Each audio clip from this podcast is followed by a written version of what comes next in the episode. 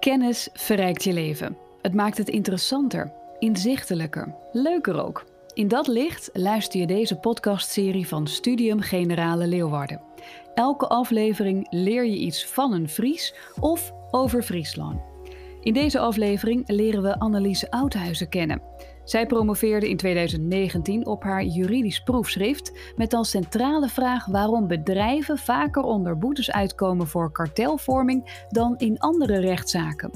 Bijzonder, want ze verdedigde haar proefschrift in de Martinikerk in Franeker. Inderdaad, ooit een van de belangrijkste universiteitssteden van Europa, de thuisstad van Annelies en nu weer even middelpunt van academische aandacht.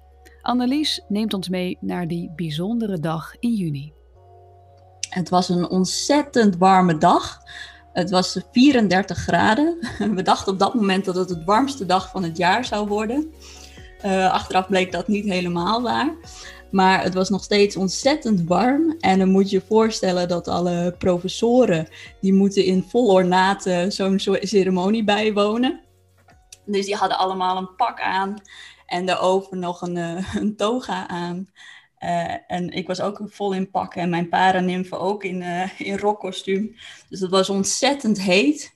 maar gelukkig hadden we dan als voordeel dat we in de Martini-kerk zaten. En zoals algemeen voor kerken geldt, was dat lekker cool. Maar nog steeds warm genoeg bij de, bij de receptie en de, de stadswandeling die we ervoor hadden gemaakt en het lekenpraatje. Het is een, een, een, zeer hete dag. Dat is ook wat de meeste mensen ervan uh, onthouden hebben. Waarom was het voor jou zo belangrijk daar te zijn? Uh, het was belangrijk omdat de kans, de kans bestond om het te doen.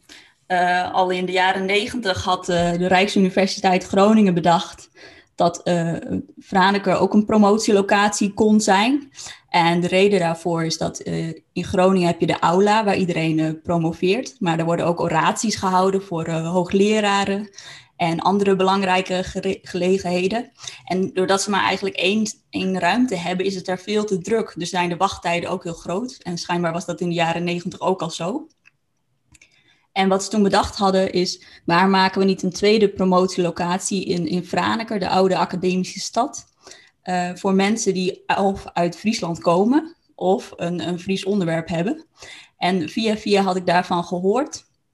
En um, toen het moment zover was dat we gingen praten over mijn verdediging, tot het proefschrift bijna af was, toen heb ik bij, de, bij mijn begeleiders de vraag opgeworpen: uh, zou ik niet in, in Franeker kunnen promoveren, de verdediging daar houden? En uh, mijn promotoren zijn twee lieve mannen, maar ook echt Grunningse mannen. Uh, met de vraag waarom moet dat? Uh, nou, omdat het kan en omdat ik daar geboren en getogen ben en mij dat ontzettend tof lijkt. dus bij de tweede keer vragen, toen ze zagen hoe graag ik dit eigenlijk wilde, hebben ze daarmee ingestemd. Maar daarmee was het eigenlijk nog niet geregeld, omdat het niet veel voorkwam. moesten zij eerst naar het faculteitsbestuur. Uh, vervolgens moesten zij naar het universiteitsbestuur om uh, dit geregeld te krijgen. Um, maar toen was het allemaal gelukt. Ik had er wel heel erg geluk mee dat in het universiteitsbestuur zit Jouke de Vries. En Jouke de Vries is ook medeoprichter van de, de Stichting Academie van Franeker. De stichting die eigenlijk het academische verleden van Franeker weer nieuw leven heeft ingeblazen. Dus die, uh, die stond volledig achter mij en die zei: uh, Ja, we gaan dit voor jou regelen. We gaan het hele Groningse circus uh, naar Franeker verplaatsen om dit voor, voor jou mogelijk te maken. Mooi. En als je dan kijkt en ook misschien wat Jouke zich natuurlijk wel beseft en nu ook al die andere mensen. Welke rijke geschiedenis heeft Franeker? Wat heb je daarvan nou, misschien wel even opgezocht, gehoord van, van mensen die daarmee bezig zijn? Ja, ik, ik zit zelf uh, ook bij de Academie van Franeker. Ik ben daar uh, secretaris van het bestuur, dus ik zit er vrij dichtbij. Um, maar daarvoor wist ik het natuurlijk eigenlijk ook wel. Franeker heeft een rijk verleden, omdat ze een, een universiteit hebben gehad. de tweede universiteit van Nederland. Van, uit mijn hoofd gezegd, 1585 tot 1811, tot die gesloten werd door, door Napoleon. En uh, dus een paar eeuwen een, een belangrijke Europese uh, universiteit gehad. Um, en, en, daardoor heel veel rijkdom nog in de stad, wat je onder andere ziet door de, door de gebouwen, uh, waar je nog veel van terugziet. En als je dan bedenkt, het is ook wel, ehm, ja, ik kan me voorstellen voor mensen die, die met zo'n wetenschappelijk hart, die dat hebben, ook hart voor Friesland, dat het ook wel eens natuurlijk een, een bizarre constatering moet zijn dat dat toen de tweede universiteitsstad was. Ehm, en dat dat nu, ja, nu, nu komt daar weer van alles en daar gaan we nog verder over praten. Maar wordt er wel eens gesproken over dat verlies, over hoe dat nou zo gekomen is en ja, wat, er al, wat het allemaal teweeg heeft gebracht? Ja, ja zeker wel. Uh, zeker wel. Um, eigenlijk, een, ja, Franeker was een hele bloeiende universiteit. Uh, ze zijn ook, het is niet voor niets gesloten. Het ging steeds minder en minder met de universiteit. Uh, verschillende hoogleraren werden ook weggekocht door uh, rijkere universiteiten. En uiteindelijk niet meer voldoende winstgevend. En er waren wel voldoende elders in het land. dus, dus het werd ook niet voor niets gesloten. Maar, maar zeker, een, zeker een verlies. Ja, en nu hebben jullie ook met elkaar en ook ja, natuurlijk door deze promotie laat je dan zien, Franeker is nog steeds die universiteitsstad. Um, zometeen meer over jouw promotie, over en natuurlijk waar je mee bezig hebt gehouden inhoudelijk. Maar eerst nog even over uh, Franeker als universiteitsstad. Wat gebeurt er op dit moment um, ja, om dat gevoel ook weer wat terug te brengen? En niet alleen dat gevoel, maar ook uh, kennisoverdracht.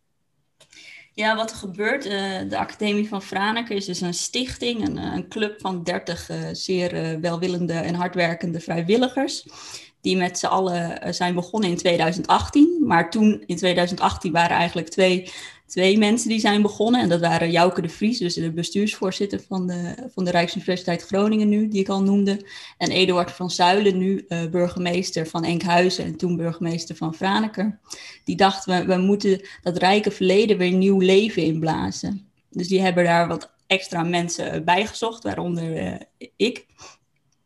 En wij zijn dus nu met een club uh, mensen het verleden nieuw leven aan het inblazen door uh, onderzoek te doen. Maar ook, uh, en dat is eigenlijk het voornaamste wat we momenteel doen, publiekscolleges te verzorgen. Colleges van hoogleraren of andere, andere mensen met een belangrijke expertise. Om wetenschappelijke kennis over te dragen naar ja, de normale burger, zou ik willen zeggen. Jij en ik, uh, in begrijpelijke taal, met kennis waar we elke dag iets mee kunnen doen. En, en zo ook weer wat reuring in de, in de regio te brengen. En uh, ja, een beetje het verleden terug te brengen naar het heden. Ik zag al dat die publieksacademies ook uh, behoorlijk druk bezocht zijn, dan wel uh, online ook in deze tijd. Um, hoe reageren de Franekers op, op die wetenschappelijke boost, om het zo maar te zeggen? Ja, zeer, zeer enthousiast. inderdaad, in het begin konden we het natuurlijk live doen. Uh, veel mensen die, die wekelijks uh, op hun vrije avond een college kwamen bezoeken. Uh, we hadden vaak zo een aantal mensen, 50 mensen, die in ieder geval in de Botnia sinds ons academiegebouw kunnen komen. voor grotere bijeenkomsten werd het zelfs uitgeweken naar de Martini-kerk, zodat we maar meer mensen konden hosten. en ja, iedereen is laaiend, laaiend enthousiast. toen het nog kon, hebben we bijvoorbeeld Jan Terlouw gehad als spreker. En uh, nu in deze tijd zijn we overgestapt naar de online colleges.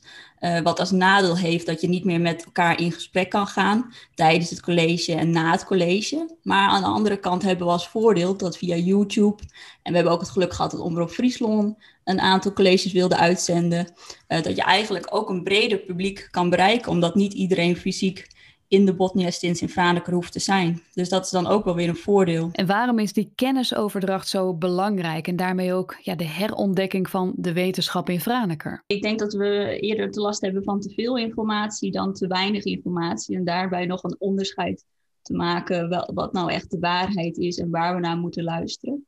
Um, juist om die reden is het belangrijk om, om kennisoverdracht te krijgen van wetenschappers die, die wel kunnen vertellen hoe het echt zit. En misschien nog beter ook kunnen uitleggen waarom iets is. Uh, want het is heel makkelijk in deze tijd inderdaad een mening over iets te vormen en daar argumenten bij te gebruiken die ja, niet altijd uh, waar zijn of ergens op slaan.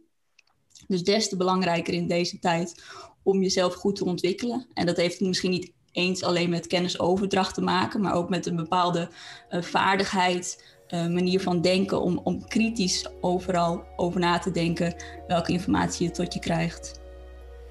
Het gehele onderwerp voert wat ver voor een podcast, want redelijk technisch. Maar wat waren in het kort je bevindingen en welke onvergetelijke ervaringen heb je opgedaan?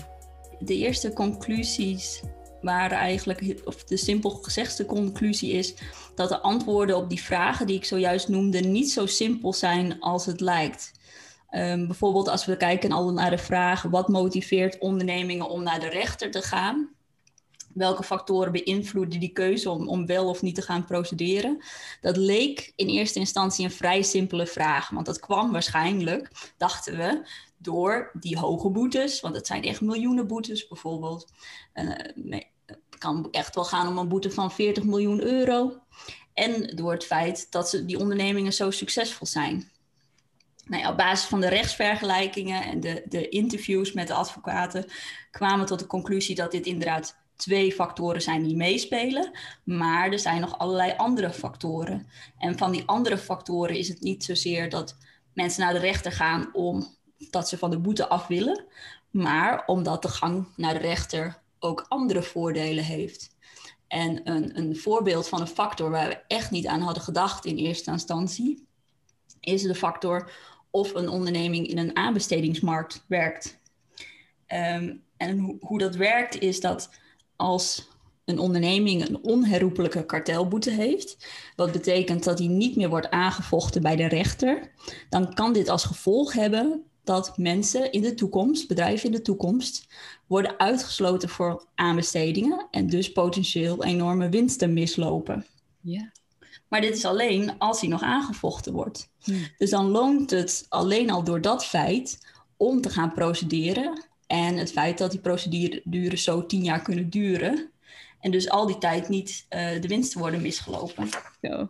Dat is, eh, dat, dat, uh, is denk ik wel een van de meest in het oog springende conclusies. Um, en uh, misschien, ja, we kunnen niet streven naar volledigheid in zo'n, in zo'n half uur podcast. Maar nee, nee. Uh, wat bracht jouw uh, verhaal teweeg? Wat, welke reacties heb je gehoord uit dat veld van, van bedrijven? Eh, nou, ook misschien wel van de ACM. Nou, hele, hele positieve reacties. Um, omdat dit deel was eigenlijk nog niet eerder onderzocht. Het was echt wel een, een zwarte vlek uh, wordt altijd heel erg gekeken naar welke boetes zijn opgelegd, maar niet zozeer naar de fase, oh, maar wat gebeurt er eigenlijk daarna?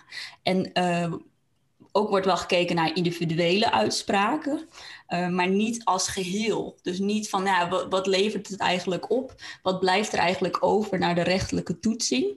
En um, ik, heb heel veel positieve reacties ontvangen en ook wel verhalen van advocaten en rechters die het boek op hun bureau hebben liggen en daar eens in de zoveel tijd even naar kijken om bepaalde feiten uit te halen en de grote lijnen. Dus dat is een, uh, een, een, prachtige, uh, prachtig iets. En ook dat het goed is opgepakt door onderzoekers in andere landen. onder andere door die, door die rechtsvergelijking dat andere landen ook zagen, ja, dit is een interessant iets om, om verder te gaan bestuderen. En um, wat het ook tot gevolg heeft gehad, dat een aantal andere zoekers hebben gevraagd om een heel Europees project te doen. En dus eigenlijk die analyse die ik heb gemaakt voor Nederland, en de weer meer oppervlakkige analyse ook met de andere landen, die uit te breiden naar alle 28 lidstaten. En er een enorm project van te maken. Dus dat, ja, dat vind ik zelf een heel tof idee dat we dat gaan doen. Brengt ons wel weer uh, tot uh, de start van dit verhaal. Dan is Franeker toch weer wel even een naar grootste universiteitsstad van in ieder geval Europa, als je dit zo hoort qua impact. Ja, ja, er is natuurlijk ook heel veel eer aan de Universiteit eh, in Groningen, waar ik uh, opgeleid ben en het promotieonderzoek zelf heb gedaan. Maar uh, zeker Franeker heeft weer mooi in de picture gestaan. Ja, mooi. Als we kijken naar de verbindingen naar Europa toe, is dat denk ik wel een, een, een nou, mooi, mooie conclusie of een mooi rond verhaal. Tot slot, als eindvraag van deze podcast. je hebt veel teweeggebracht. Nou ja, zoals we horen gaat dat onderzoek ook door. Wat heeft het jou persoonlijk gebracht? En nou, dat mag het moment zijn in Franeker, maar dat mag ook natuurlijk gewoon de bevindingen zijn, de ervaringen die je hebt opgedaan tijdens jouw onderzoek. Ja, het heeft mij heel veel gebracht. Ik, eh, ik, ik heb er heel veel van geleerd om, om zo'n onderzoek te doen en zo'n onderzoek aan te pakken. Want het is toch een, een megaproject waar je heel veel planning leert en je individuele actualiteit wordt, wordt uitgedaagd. Um, maar ook, ook meer, meer persoonlijk dat ik ontzettend veel heb mogen reizen. Uh, ik heb heel veel van de wereld gezien doordat ik het onderzoek heb gedaan. Uh, veel in de andere Europese lidstaten, maar ook breder over de wereld. Veel mensen mogen uh, zien en spreken, ook binnen Nederland, die zich hiermee bezig hielden. En daarom vond ik het juist zo mooi dat ik na dat hele, over de hele wereld reizen en overal te zijn geweest, het onderzoek thuis kon afsluiten. Dat vond ik zo'n prachtig idee, dat ik terug in Franeker was, terug naar mijn eigen plek van herkomst.